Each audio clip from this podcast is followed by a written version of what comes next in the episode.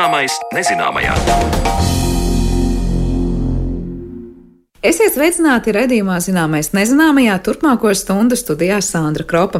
Šodien mūsu redzījuma galvenais varonis būs Sahāras tūkstnesis. Tas ir lielākais smilšu tūkstnesis pasaulē, ko droši vien zina daudzi, taču interesanti stāstu par šo īpašo dabas objektu netrūkst. Tas ar vien mainās un spēj būtiski ietekmēt kā laikapstākļus, tā arī gaisa kvalitāti arī gana tālu aiz savām robežām. Saruna par Sahāras tūkstnesi redzījuma otrajā daļā, taču pirms tam stāst no mūsu arhīvu krājumiem par tūkstnesi tūkstneša augiem - sukulentiem. Sukulenti ir augi, kuru atsevišķas daļas ir biezākas un tuklākas nekā citiem augiem, un tas ļauj tiem pielāgoties ilgstoši sausiem apstākļiem un smilšainai augsnei.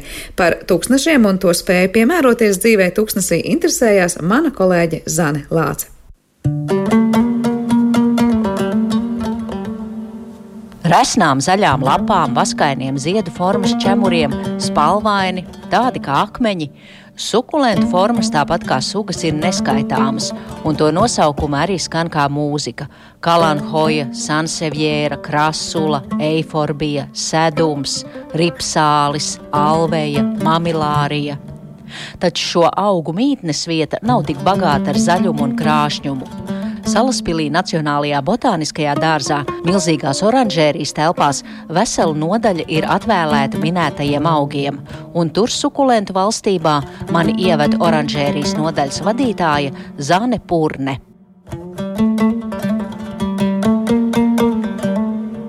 Šeit viss ir sukulenti. Cilvēkiem ir dīvaini jautājumi, kā nu, tā kā gāve, drācēna, kaktusi, vai tie ir sukulenti? Jā, tie visi ir sukulenti. Protams, kā lai saka, katrs ar savām īpatnībām un, nu, var sakot, daudz un dažādām īpatnībām, bet, nu, katrā ziņā viss ir sukulenti un, lai pašā sākumā, lai būtu skaidrs, tad sukus no latīņu valodas ir sula.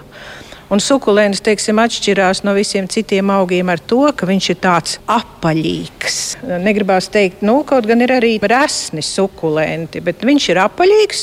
Viņam arī ļoti specifiskas šūnas ir atšķirībā no citiem augiem. Viņš spēj šajās šūnās uztvert ļoti daudz barības vielas un ūdeni. Ļoti daudz ūdeni, un tāpēc viņš arī Āfrikā lielākajos tūkstnešos, teiksim, kas ir Sahāras tūkstnesis, Nāmībijas pustūkstnesis, Kalahārī un tā tālāk. Tāpēc viņš ir spējīgs izdzīvot tos īsos mēnešus, kad līst tikai lietus, vai ir tikai mīkla, vai ir tikai rasa.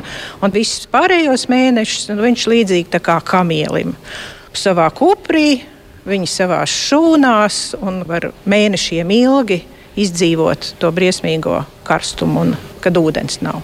Kā tas ir? Jūs pieminējāt tos lietus mēnešus. Mēs zinām, ja mājās uz palodzes mums ir eh, sukulenti, ka iesaka nepārlaistīt. Bet, ja mēs skatāmies dabā, ja piemēram tur ilgs tur mitrā sezona, kas notiek ar to sukulentu? Nu, kā lai saka, daba pati ir gudra, un ja tur kaut kas notiek pa daudz vai pa maz, tad augs ir gudrs, viņš to visu ļoti labi saprot. Teiksim, no cilvēka viedokļa par palodzēm runājot, lai arī cilvēks slings pēc dabas, viņš ļoti mīl laistīt, laistīt, laistīt. Un, teiksim, kaut vai tas pats tradicionālais, ko visi zina, naudas koks.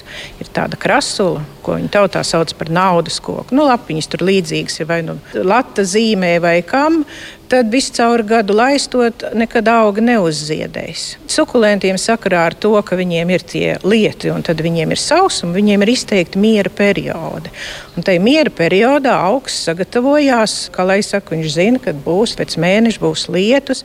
Viņš jau iekšā, iekšējā fizioloģija, viņam jau tur sagatavo ziediņus, lapiņas, to, ko cilvēks ar aci nevar redzēt, tas jau viss augā nobriest, un tagad tas lietus uzlīst, tad viņš skaisti zied.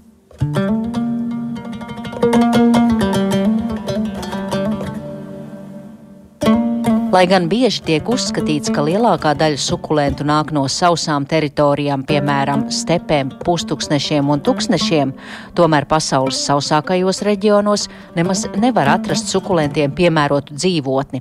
Piemēram, Austrālijā aug ļoti maz sukulentu. Taču, lai gan sukulenti nespēja augt visskarbākajos apstākļos, tie ir piemērojušies tādai videi, kur citi augi nav spējīgi izdzīvot.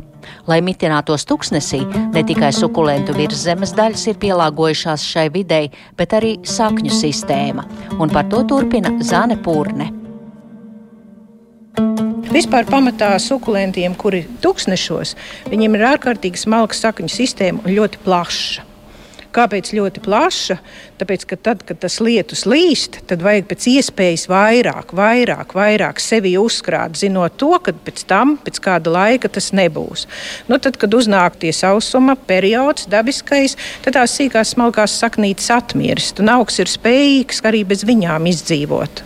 Nu, viena no interesantākajiem ir alojas ārkārtīgi daudz uh, alojas sugas. Nu, tie ir tiešām Āfrikas saugari, kas gan ir jau noziedējuši ziedi. Ai, tā kā tādas vilku vālītes apbārstītas ar dzelteniem jā. putekšņiem. Nu, tās un... ir noziedējušas jau, bet arī ko vēl nāk. Teiksim, aloja, ar ko viņi izceļās, viņi izceļās, ka viņi pat uh, gadiem ilgi viņi var augt bez saknes, vienkārši no gaisa. Vēl ko es abrīnoju sukulentos, tomēr nu, tūkstneša klimats karsts, sauss, bet tas karstums ir pa dienu, bet naktī jau ļoti bieži tā temperatūra nokrīt gana zemu. Kā tas augs ir piemērojies šai dzīvei savvaļā? Nu, viņam ir ārkārtīgi bieza epiderma. Ir piemēram augi, kurus nu, teiksim, to ādiņu klāja spalviņas, sīkas, smukas, mazas spalviņas, citus klāja vaska kārta. Nu, tā ir kā lai saka, aizsardzība pret šiem karstiem saules stariem. Būtībā jau ir tā, ka nu, ceļojums, kad lasa, ja Sahāras tuksnesī, tad, kad ir saules zenītā iet smiltīs, tad cilvēks var apdegt no tā drausmīgā karstuma. Augi aug. Kāpēc viņi aug? Sukulentiem ir nu, tas vairāk, kā lai saka, no botānikas. Šiem sukulentiem ir savādāka elpošanas sistēma nekā visiem citiem pārējiem, nekā mūsu Latvijas augiem. Viņi neelpo pa dienu, jo iedomājieties, ja viņi dienas laikā attaisīs savas atvārsnītes, viņi izkaltīs momentā no saules. Viņi to dienas laikā nedara, viņi to dara naktas laikā. Runājot par sadarbību ar pārējo dzīvo pasauli, ja mēs skatāmies tiem sukulentiem, tie vai nu ērkšķi, vai tā vaska kārta, vai to ir arī daba piemērojas tāpēc, lai kāds negraustu, neēstu, neraktu. Nu, grauž jau tāpatās un sauļā izmanto viņus arī tāpat, bet nu, tas ir pamatā no tās spēcīgās saules. Tam dēļ ir. Jo, nu, es vēl vienreiz, kā es teicu, par tām atvārsnītēm, nu, neviens lapains augs tuksnesī neaugs. Nu, protams, tuksnešos oāzes, kur ir, bet nu, tas ir cits stāsts atkal. Jā, bet kaktusu adats, ja mēs skatāmies uz Centrāla Amerikas, uz tiem kaktusiem, kur ir sukulenti, adatu funkcija. Dabā veidotiem augiem nekā lieka nav. Viņi ar ērkšķiem uztver mīgliņu, uztver rasiņu, uztver kūkainīšus. Tās funkcijas ir ārkārtīgi daudz un dažādas. Es šobrīd šeit stāvu oranžērijā, jūtu tādu vieglu saldu smaržu. Jautājums ir, vai sukulentiem arī ir aromātiski ziedi? Ir, ir aromātiski, bet uh, aromātiski tādā ziņā, nu, nesmaržo kā rozes, nesmaržo kā maipuķītes. Nav tādas smaržas, bet, protams, ir katram ziedam ir sava smarža. Īpatnēja smarža. Ja jūs man pajautāt, nu, kā al aloja, tad, kad viņa zied, nu, kāda viņai smarža, nu, viņai ir alojas smarža teiksim, ir ļoti nu, grūti salīdzināt. Ir cilvēki, kas nāk un viņi salīdzina, ka tur jaucas kopā, teiksim, greifrūta un pitas poras un kādas smaržas. Bet tā ir pitas spora, kas smaržo. Jā. To, ko jūs tagad jūtat, tā ir pitas spora. Tie ir tā kā tādi nav sukulēni. Nā, tā kā violīši tāds aromāts. Jā, tie ir ļoti tāli. Mm. Nu, ir, teiksim, to smaržu. Mm -hmm. um, Kalnu krasula, naudas koka māsīts vai brālēns. Nu, ir, Va, viņam eh, jā, tāds cits, eh, cits teiksim, saka, ka ir nepatīkama smarža, bet nu, es vēlreiz saku, nu, katram ir sava smaržiņa. Nu, jā, man no asociācijas ir ar ilgi valkātām zeķiem vai spāņu vītināto desu. Jā, nu, jā. un cits atnāks un teiks citus vārdus. Nu, jā. jā. Mm -hmm. Bet tas arī, teiksim, tā ziedu smarža jau arī ir eh, dabas veidota un pielāgota attiecīgajam kukainītim, mm -hmm. lai viņš uz šo smaržu nāktu. Nav, nav visiem jānāk, jā. Nē, nu, protams, ka visiem jā, nav jā, jānāk. Jā, jā. aromātu. Par tūkstnešu zonas augiem sukulentiem stāstīja Nacionālā botāniskā dārza oranžērijas nodeļas vadītāja Zane Purne, un pie viņas viesojās mana kolēģe Zane Lāce. Bet par tūkstnešiem un pavisam precīzi par Sahāras tūkstnesi mēs parunāsim raidījuma turpinājumā.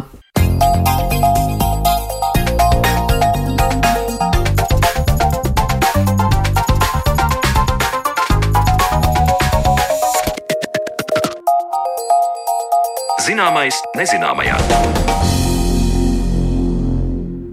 Pirms kāda laika vienā no raidījumiem mēs runājām par putekļiem, kur citas starpā noskaidrojām, ka daļa no tiem Eiropā nonāk tieši no Sahāras tūkstneša. Tas mudināja painteresēties par šī tūkstneša attiecībām ar pārējo pasauli, un tad nu par tūkstnesi droši vien daudziem ir priekšstats, ka tur nekas nenotiek un dzīvības ir maz.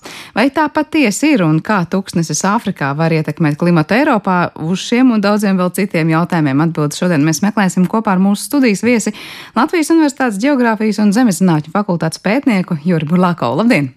Labdien! Uh, vispirms par tām uh, Sahāras attiecībām ar pārējo pasauli. Ik pa laikam tādus pārsteidzošus daudziem faktus atklājam, sakot, ka jā, ir daudzi tādi putekļi, ļoti bieži tādi krāsaini putekļi, smilšu putekļi, kas sasniedz Eiropu un tie nāk no Sahāras.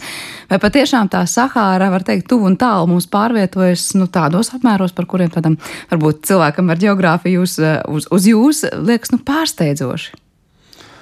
Jā, nu, mēs varam novilkt arī paralēlis ar nesen salīdzinoši nesen notikušo Islandes vulkānu ja, izvirdumu, kad apstājās puse no avio kompāniju darbības, kas bija ar turbīnām. Un šeit ir nu, arī līdzīgi. Sahāras tūkstnesis ietekmē, jau, ietekmē mūs jau ļoti sen, ne tikai Sahāras, bet arī citi tūkstneši.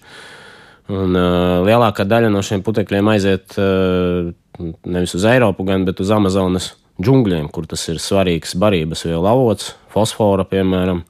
Ja to salīdzināt ar cipariem, tad pēc uh, satelītu aprēķiniem tur uh, 700 tūkstoši kravas mašīnas. Tā, lai parastam cilvēkam saprotams, katru gadu nevis vispār kopā. Un šīs ekosistēmas principā jau tā kā gaida, ja, tā kā pārtikas paciņas, to fosfora daudzumu, kas tiek atnests ar putekļiem. Bet, protams, ja mēs runājam par uh, virzīšanos uz, uh, uz Eiropas pusi, ja, tas, tas nu, ar gaisa traumēm, jo šie putekļi paceļās ļoti augstu un var pārvietoties milzīgus attālumus. Un tad cilvēkiem, kuriem ir ielikumi, Nu, varbūt tās ne tikai saslimšanas ar astmu, ja, bet eh, vispār, kas ir jūtīgāki, nu, tiem, tiem tur varētu būt jāizvairās. Un, nu, piemēram, Lielbritānijā, droši vien arī citur, arī meteo aģentūras vienmēr brīdina. Uz Latviju laikam īsti tur tas nav pa ceļam, bet, bet eh, kaut kā kopā ar golfa straumi tas viss, nu, tur vairāk tur ir meteorologiem jāprasa, ja, kā, kā tur bet precīzi viņi uz Eiropu. Bet tas, tas nav, tā nav lielākā daļa. Tur, tur... Bet tas, kas notiek, nonāk uz Amazonu, katru gadu. Tas ir kāds konkrēts laiks, kurā tas notiek, vai tas var notikt vienreiz pavasarī, vienreiz rudenī, vienreiz ziemā? Tas var notikt principā gandrīz vai jebkad. Jā.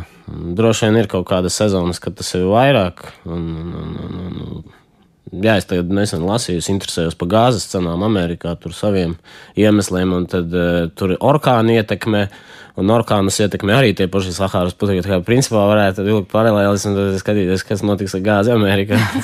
Bet tad orkāns ietekmē Sahāras putekļi? Tā ir skaitā, jā, jo, jo tas, nu, klimatā jau viss ir saistīts meteoroloģijā šī gadījumā. Mēs īstermiņā, bet nu, tas, tas, ir, tas jau notiek ļoti sen.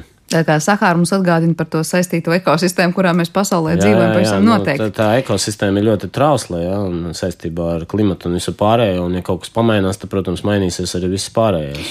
Ja reiz iesākām par to klimatu runāt, tad varbūt paturpinot, cik lielā mērā tajā klimata kopējā bildē Sahārai ir nozīme un tā kaut ko maina, vai savukārt klimatam mainoties mainās tajā Sahārā procesi, kas notiek nu, kaut vai ar šiem pašiem putekļiem un smiltīm, kas ceļos un pārceļos. Nu, tas ir atgriezeniskā saite process eh, Sahārā vēl salīdzinoši ģeoloģiski, ja mēs runājam, nesen bija zaļa. Jā, tas notiek periodiski, tas ir vairāk saistīts ar, ar astronomiju. Jā, jau senie astrologi jau to pamanīja, ka kaut kādas sakarības ir. Un, eh, tas varbūt tās ikdienas cilvēkam nav tik labi zināms, ir tādi Milankoviča cikli. Tas ir serbu zinātnieks, kas viņus atklāja, un ilgu laiku tur neviens to neņēma par pilnu. Tāpat kā kontinentu dreifu Wegenera. Kaut gan patiesībā abi šie procesi ietekmē lielākajā mērā klimatu, ja, tādā ilgtermiņā, nevis īstermiņā, bet ilgtermiņā - tektonika un astronomija. Uh, ir tādi parametri kā Zemes orbitas ekscentritāte, es nezinu, vai latviešu tas ir pareizi. Tad, tad vēl ir uh, zemes asas slīpums, kādā mēs riņķojam ap sauli. Un vēl trešais parametrs, kas Sahāras gadījumā varbūt tās ir pat būtiskākais, ir šīs zemes asas. Nu, kā, ja jūs iedomājaties vilciņu, kas griežas, jā, viņš nedaudz tā kā viņš nav perfekti, jā, bet saules un mēnesis gravitācijā viņš nedaudz tā kā migrē, tā kā pa apli tā nedaudz tā, tā kā. Nu, tā kā, kad vilciņš sāk bremzēt, apmēram, tad, tad tādu, tādu procesu jūs varat redzēt, ka viņš sāk tā kā ļurbāties. Ja? Es nezinu, kā pareizāk pateikt, lai saprastu visi. Un tad no šī asas slīpuma un no šīs ļurbāšanās, ja, tad ir atkarīgs arī cik daudz insolācijas saņem ziemeļu puslode, nu, attiecīgi dienvidu puslode. Un šim ciklam, jā, šim ciklam ir uh, noteikts laiks, ja nemaldos, 26,000 gadu, bet es negribu vienkārši neprecīzi pateikt. Un, un, un, un tas nozīmē, ka ik pēc 11,000 gadiem ir zaļa Sahāra, un ik pēc 11,000 gadu ir tāda, kāda mums ir šobrīd. Tā kā, ja mēs ilgi nodzīvosim, vēl 15,000 gadu, tad redzēsim zaļu Sahāru. Droši vien šis process būs spēcīgāks. Bet šobrīd var noteikt, ka Sahāra ir tajā savā nezaļuma fāzē, sākums, jā, beigas. Tā, kas... Jā, tieši tā.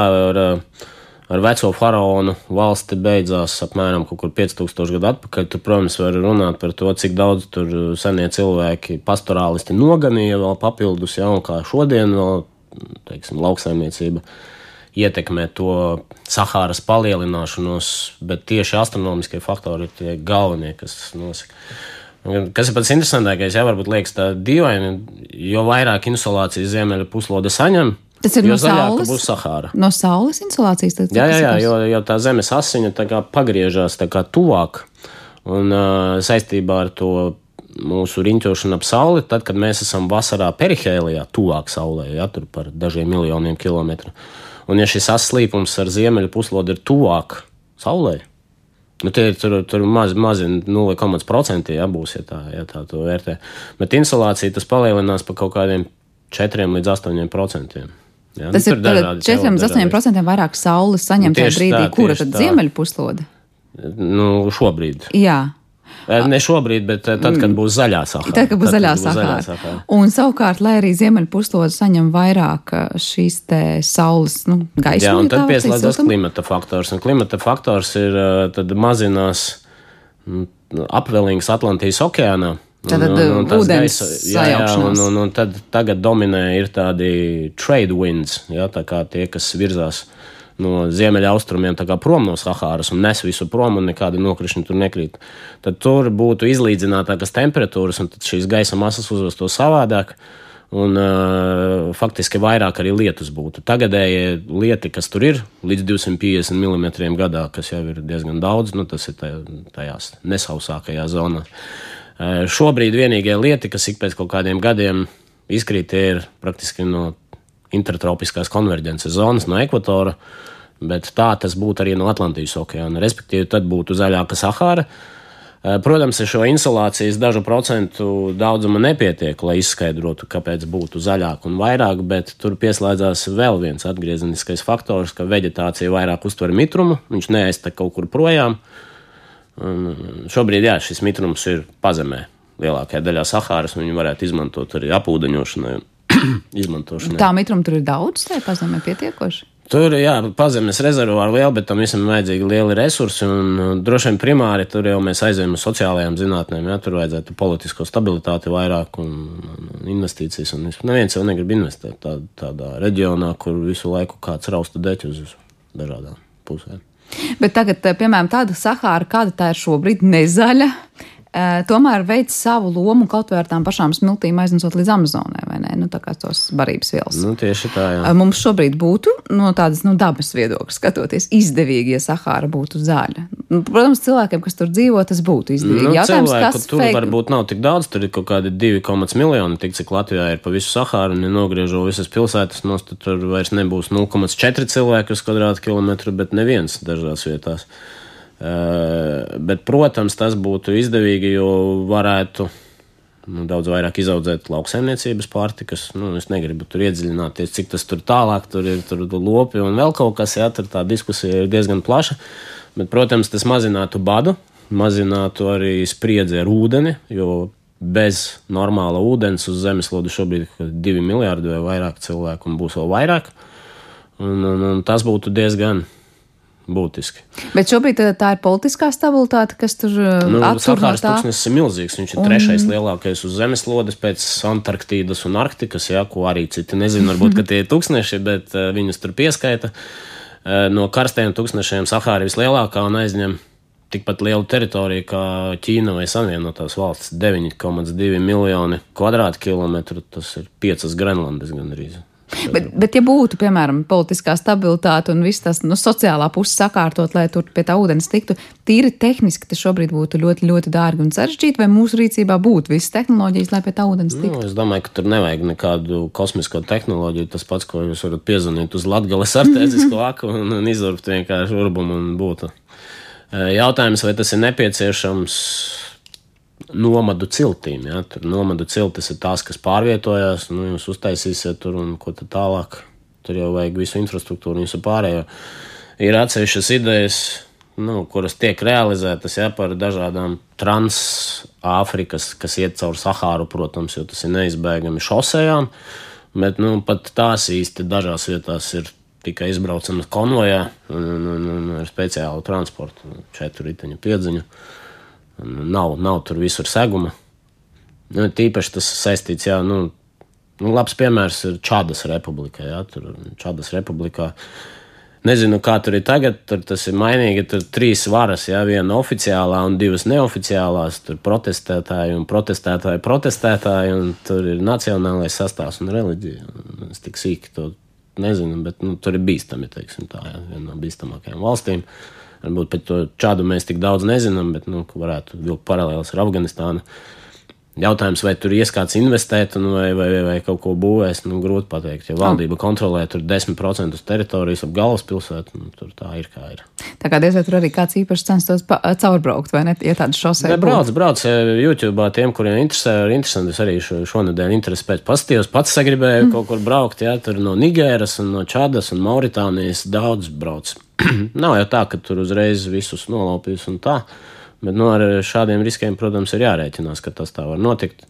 Bet, eh, kā jau šādās valstīs ir eh, vēlams ņemt, protams, vietējos pavadoņus, vai šī gadījumā toregus vai vai berberus, jā, un tad viņi tur nokārtos jautājumus. Pašam nu, nevajadzētu droši vien to jā, tās darīt. ir lietas, kas ārpus īpašajā, ārpus Eiropas ceļojot jāņem vērā un tiešām jāliek aiz aus. Bet tā kā mēs runājam par to neseno saucamo zaļumu, Sahārā, tad sanāk tā, ka vēl faraona laikos tur vēl bija, es nezinu, nu, kāds zaļums. Vecā mēs... valsts, kad beidzās, es, nu, es neesmu arheologs, ja, bet es speciāli to pastudēju, jā, kad vecā valsts beidzas, nu, tāpēc jau droši vien arī iezīmē jaunās valsts sākumu, ka mainījās tur tie apstākļi. Un, un, un, Bet par kādu zaļumu mēs runājam? Par to, ka tur tiešām ir oāzes galā vai? Mhm. Savana. Jā, un karstākajās vietās stepe.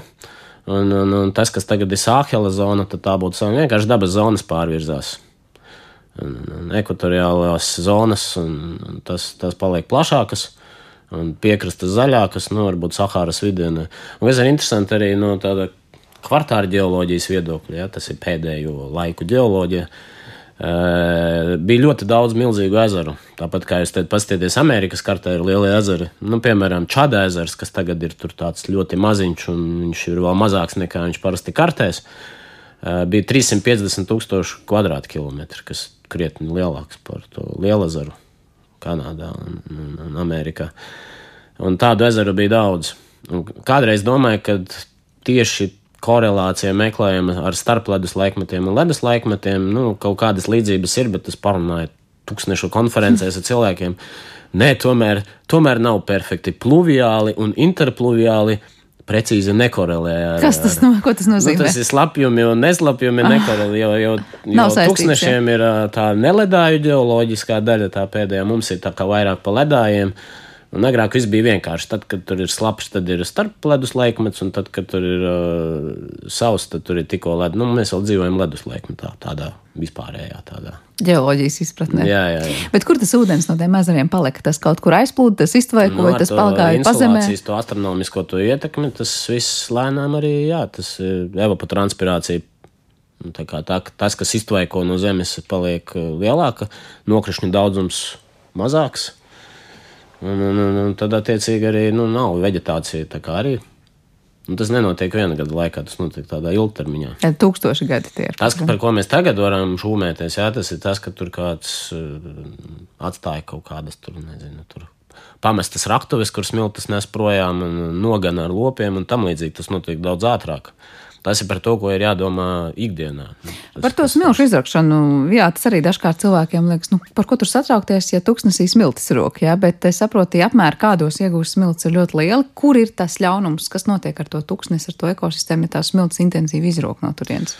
Nu, tur tās lielākās smiltis jau nu, droši vien neizrakst. Tur vairāk ir raktuves, kas ir uh, urāna raktuves un, un, un dzelsrūdas. Līdzīgi kā Austrālijā ir dzelsrūdas un urāns. Un tas ir saistīts ar to, ka tur ir prekembrija ieži, nu, tie, tie senie, kas ir miljards un vairāk gadu. Un tur ir ļoti daudz arī vajadzīgu lietu, kas ir nu, no metāliem. Un, un, Iespējams, arī retmetāli. Es neesmu pārliecināts par retmetāliem, bet droši vien, ka viņi ir uz 9 miljoniem kvadrātkilometru. Uh, Vēl viens varbūt tās ir tāds mīts, ko cilvēks parasti var iedomāties. Tūkstneši, nu, tā ir paraboliskās kāpas, barhani un milzīgas. Tas ir tikai 15% īstenībā. Lielākā daļa ir hamadas. Jā. tas ir? Hamadas eh, 70% no Sahāras ir pilnīgi erodēta virsma ar akmeņu tūkstnesi. Tas, tas nav tā, kā parasti tur tikai redz smiltis, smiltis. Tā Sahārā to sauc par ergiem. Ja? Viņi tur arī var sasniegt eh, 100 metru un vairāk biezumu. Eh, Pārvietojošās kāpas, tās nav, nav dominējošā forma. Bet to, tomēr nav tā, ka uz citu tūkstnešu fonu Sahāra vairāk pazīst ar tām smiltīm un tām varbūt kāpām, kas pārvietojas. Nu, es tagad iedomājos, tur atakams tūkstneša aina nav pilnīgi pretēji. galvenokārt tas avots, kā es sapratu no publikācijām, jā, ir no tiem izžuvušajiem ezeriem. Tā skaitā, kas bija tas mega čadas ezers un vēl citi ezeri, kuru nosaukumus es neatceros. Viņi tur bija 11 vismaz. Un šīs smiltis un smalkās daļiņas, kas ir alērīts, ja geologi viņu sauktu, tās tiek pārpūstas vienkārši, un, un tas, tas arī ir tas avots. Tas sanāk, senie ezeri ir pārstāvji par tām un sen, smiltīm. senās upju ielas, aluviālie, nu tā kā upju nogulumi, kas, kas ir pārpūsti un viņi migrē. Tās ir tās metrus ko mēs šobrīd Sahārā redzam. Ja? Jā, jā. Un tās tātad tur pārvietojas. Ir kaut kāda nu, kārtība tajā, kad vairāk, kad mazāk, kā tās kāpes pārvietojas. Nu, gan jau nav tā, ka šovakar viena kāpa ir šeit, un jau rīt no rīta tā ir tālāk. Nu, tur tā, tas, ko es tur izlasīju, bija uh, daži metri gadā apmēram. Bet nu, vairāku pauģu gadiem mums jau arī tāpat liela ir, liela ir, ir trīs mājas palikušas. Jā, tad nav tā, ka tas notiek gada laikā, bet kāpu pārvietošanos apstādināt, nu īsti vēl joprojām tā neviens nav izdomājis, kā to izdarīt. Ir visādi risinājumi, ko mēģina, jā, tur, bet, bet diez vai. Par ko mēs vēl varam, protams, pieminēt, ir The Great Green Wall, jā, tā kā lielā zaļā siena, tas projekts, kas ir visas Āfrikas garumā, Sāhela zonā. Sāhela zona, tas ir, kur Sahāras tūkstnesis pakāpeniski pāriet savannā, un uh, tur stādīt kokus. Senegālā un tajās citās valstīs, kas ir, nu, Senegāla laikam ir pirmrindnieks tajā. Un tādējādi 15 km joslā bremzēt nu, to, to smilšu, to visu uzmākšanos. Jā. Šobrīd tas projekts jau notiek, vai tā Viņš, tikai viņš doma? notiek, jā, un, un, un, bet droši vien, ka tas ir jāskatās kontekstā arī ar nabadzības mazināšanu, apūdeņošanu un visu pārējo. Jo, nu, var jau stādīt visu kaut ko, bet kamēr ja tās prakses ar iedzīvotāju skaita pieaugumu pat tajos tūkstošos, ja, ja šīs lauksaimnieciskās prakses ir nu, neracionālas un, un, un dezertifikācija notiek, tā pārtuksnešošanās, tad tas nevar būt vienīgais risinājums. Tā kā var teikt, tāda Sahāras zaļināšana šobrīd notiek kaut kādos Nu, tā ir tā reģionos. siena, jā, kas ir jau paša Sahāra jau apzaļumot, nu, nereāli. Tur ir oāzes, jā, tur oāzes ir kaut kādas 90 laikam. Un tur arī audzē kaut kādas datelpalmas, un tur arī tās pilsētas, tur kaut kādas ir tīri tūkstnesī, un tur daudz laikam īsti nav. Bet tās oāzes arī no tīra platības ziņā mēs varam salīdzināt. Tas ir kaut kāds pavisam, pavisam maziņš zemes gabaliņš, vai tomēr uz to visu Sahāras fona diezgan ievērojama teritorija. Ko Nu, es tie būs domāju? mazi procenti. Jo tās hamadas ir 70, aptuveni 15 līdz 20 tās smilšu, tad tur nekas daudz jau vairs nepaliek. Kādas būs tie akmeņi, ja tie akmeņaini kaut Jā, nu tādi plato, plato līdzeni, bet vēl jau ir kalni. Tur ir Tibestī kalni, Čādā, Ahagara masijas, uh, tādi, kur, Kur ziemā var būt arī mīnus, un, un var arī izkrist. Tibetī var izkrist arī sniegs, piemēram. Jā, jā tā ir ļoti, ļoti dažāda patiesībā tā Sahāra. Ja jautājums jā. tikai, kurā pusē skatāmies. Kā tūkstnešus nodala, jā, kāpēc es pieminēju tos arktiskos tūkstnešus? Tūkstnešu galvenā, nu tā kā aksiomātiskā piedarība ir nokrišņu daudzums. Viņš arī Antarktīdā noteiktās vietās ir ļoti zems. Un, un, un, un tad arī tur nekas nebūs. Tur arī ledāji tur īsti jauni neveidosies, tāpēc ka tur vienkārši nokrišņi ļoti maz. Jā, tā kā mums tūkstneši patiešām var būt ļoti dažādi, arī augsti. Tā kā mums pasaules mm. līmenī, protams, ir par ko runāt, bet ar ko uz citu tūkstnešu fonu tomēr tā Sahāra arī pētniekiem liekas interesanti un atšķirīga vai ievērojama. Nu, droši vien, kad arī ar kultūru vēsturi lielā mērā un, un, un lielajām karavānām patiesībā nemaz tik sen uh, Viņa nebija tā, tā pamatīgi izpētīta. Arī tagad tā skaitās nu, tā kā land of fear, ja, tā kā baiļu vieta, un tur bez vietējiem neviens nestaigā. 19. gadsimtā bija tur vācu pētnieks, kurš tad pirmais tur tā konkrēti tur izstaigāja. Pirms tam senie arābi un, un, un vēl tur kaut kas tur pat tirdzniecības ceļiem, feniķieši, visu kaut ko runāja, bet neviens tur tāpat īsti tā negāja. Un, koloniālajai Eiropai arī nu, nebija nekādas īpašās intereses. Tad neviens vēl nezināja par tādām urāna tur un, un vēl kaut kādām atradnēm, kas tur varētu būt. Un tā arī faktiski bija nu, tāda vēsturiskā robeža, tur, kur Āfrika nodalās tā Āfrika no, no, no vidusjūras reģiona. Kas vēl varētu būt interesants, nu jā, nu, kā, kā tas viss ierakstās, par ko jau mēs sākumā runājām, tajā kopējā klimata tajā schēmā, bet nu, tad, jā, tad ir jānošķir, vai tas ir ilgtermiņa vai, vai īstermiņa. Uh, ir, ir interesē, es nezinu, cik tas ir lobēts vai, vai, vai nelobēts, jā, bet nu, tas varētu būt fizikāli iespējams, jā, ja saliek daudz nu, tos alternatīvās enerģijas risinājumus, jā, ar saules baterijas, kas kur viņām būtu arī īstā vieta daudz, kur un, un, un vēja ģenerators, tad it kā varētu veicināt nokrišņu izkrišanu saistībā ar, ar, ar, ar atstarojošo virsmu, tur palielināšanos un šķēršļiem, tur kaut kādiem. Nu, tur, es nezinu, cik tas ir. Cik tas uz 9 miljoniem kvadrātkilometru, tad nu, visu Sahāru droši vien nevajadzētu pārklāt ar šādiem risinājumiem, bet tas arī varētu veicināt kaut kādā veidā Sahāras nu, apdzīvotību kaut kādā. Bet arī šobrīd patiesībā maz ir to zonu, kurā nu, vispār, vispār nebūtu nekādas dzīvības, lai mums liekas, smilts un tūkstneši, nu kaut kā tīri tur flora, fauna mm, kaut kādi dzīvnieki, kaut kādi augi jau ik pa laikam ir. Un es saprotu to procentu, kur nav un pilnīgi nekā ir tikai dažas vietas, ja Sahārā. Jā, nu tie karstākie, jā, nu vēl te nodalot tas pārējās tūkstneši, viss karstākie tūkstneši ir piekrastes tūkstneši, lai cik tas smieklīgi neliktos. Nu te ir Namiba un Atakamas tūkstneši, jā, par Atakamu daudz varbūt ir dzirdējuši, par Namiba varbūt netik daudz, jo tur viss pārskrien pāri un nekas nepaliek. Atakamas tūkstnesī 400 nu, gadus lietus nebija vispār atsevišķās vietās līs. Sahāras tūkstnesī tik traki nav, bet uh, viņš vienkārši ir gigantisks. Nu, tādos izmēros. Tā bet arī virs, jā, augstums virs jūras līmeņa taču atšķiras. Augstums virs jūras līmeņa, jā, tur, tur tie nokrišņi varētu būt arī vairāk. Tūkstnešiem vēl viena iezīme ir, kad skaitās līdz 250 mm. Jā, tas ir kā mums Latvijā ir 600 laikam, tur ir līdz 250, bet nu, 250 tas jau ir tādās lapjākajās vietās. Tā kā pētījumi, es saprotu, notiek par pašu Sahāru vēl, bet vairāk tajā kontekstā, kā tur ko izdomāt, saimniekot, atrast eh, to praktisko pielietojumu. Jā, Praktiskais pielietojums šobrīd vislielākā interese, protams, ir izrakteņa. Un, eh, ja kādam vēl interesē paskatīties filmas, ir tādas foršas, kur Mauritānijā 700 km tāds dzelzceļš, kas iet no piekrastes ostas līdz raktuvēm. Un kā tur vietējie pārvietojās, tā kā mums 90. gados tirgojās pie vilcieniem, un Krievijā droši vien vēl daudz kur joprojām Transsibīrijas dzelzceļā tā, tur tāpat pārvietojās 700 km, ved zivis kaut kādas uz tiem ciematiem un, ietirgo 50 dolārus par vienu ceļojumu, kas ilgst 30 stundas tur, 30 atpakaļ. un zivis vēs tajā laikā jāatcerās nu, jā, diezgan liels izaicinājums. Daudz arī letālo gadījumu, jo karstums tur, protams, var sasniegt arī 50 grādus un vairāk. Un akmeņu karstums, tur, kur ir akmeņi, var sasniegt arī Nu, līdzīgi kā Austrālijā, 80 grādus. Jā, Austrālijā pat vairāk, jo tur ir tumšā krāsā, tumšā akmeņa vairāk sākās.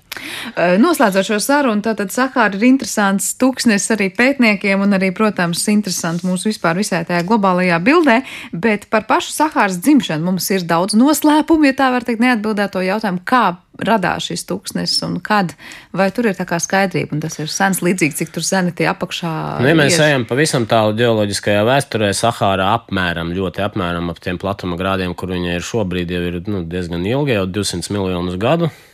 Bet tieši par pašas Sahāras, kā mēs viņu pazīstam šobrīd, ir divas versijas. Viena ir 7 miljoni gadu, un otra ir 3 miljoni gadu. Uh, 7 miljoni gadu bija tad, kad nu, tur ar visu to kontinentu dreifu, ja, kad uh, tētisa okeāns aizvērās. Nevis tētis kā tētis, mm. bet tētis ir tāds okeāna nosaukums, kas tagad ir vidusjūra, ja, pārpalikums.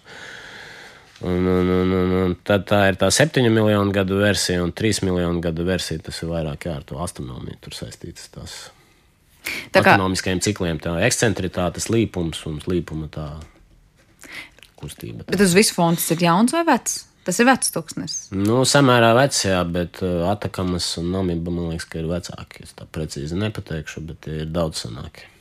Jā, nu, interesants ceļojums mums izvērtās Sahāras tūkstneša virzienā šodien. Paldies par to un paldies par ieskatu tajā, kā šis tūkstnesis gan ir veidojies, gan, gan to, kas tajā tūkstnesī var teikt ir sastopams un kas varētu ar to notikt nākotnē. Šajā raidījumā pusstundā dzirdējām Latvijas Universitātes Geogrāfijas un Zemezinātņu fakultātes pētnieku Juru Burlakovu, un ar to arī šis raidījums ir izskanējis. Par to parūpējās uh, producents Armīta Kolāta, mūzikas redaktors Girds Bišs, skaņu režijā bija Nora Mitspapa un ar jums kopā šeit studijā Sandra Kropala. Lai mums visiem veiksmīgi diena! un uz tikšanos!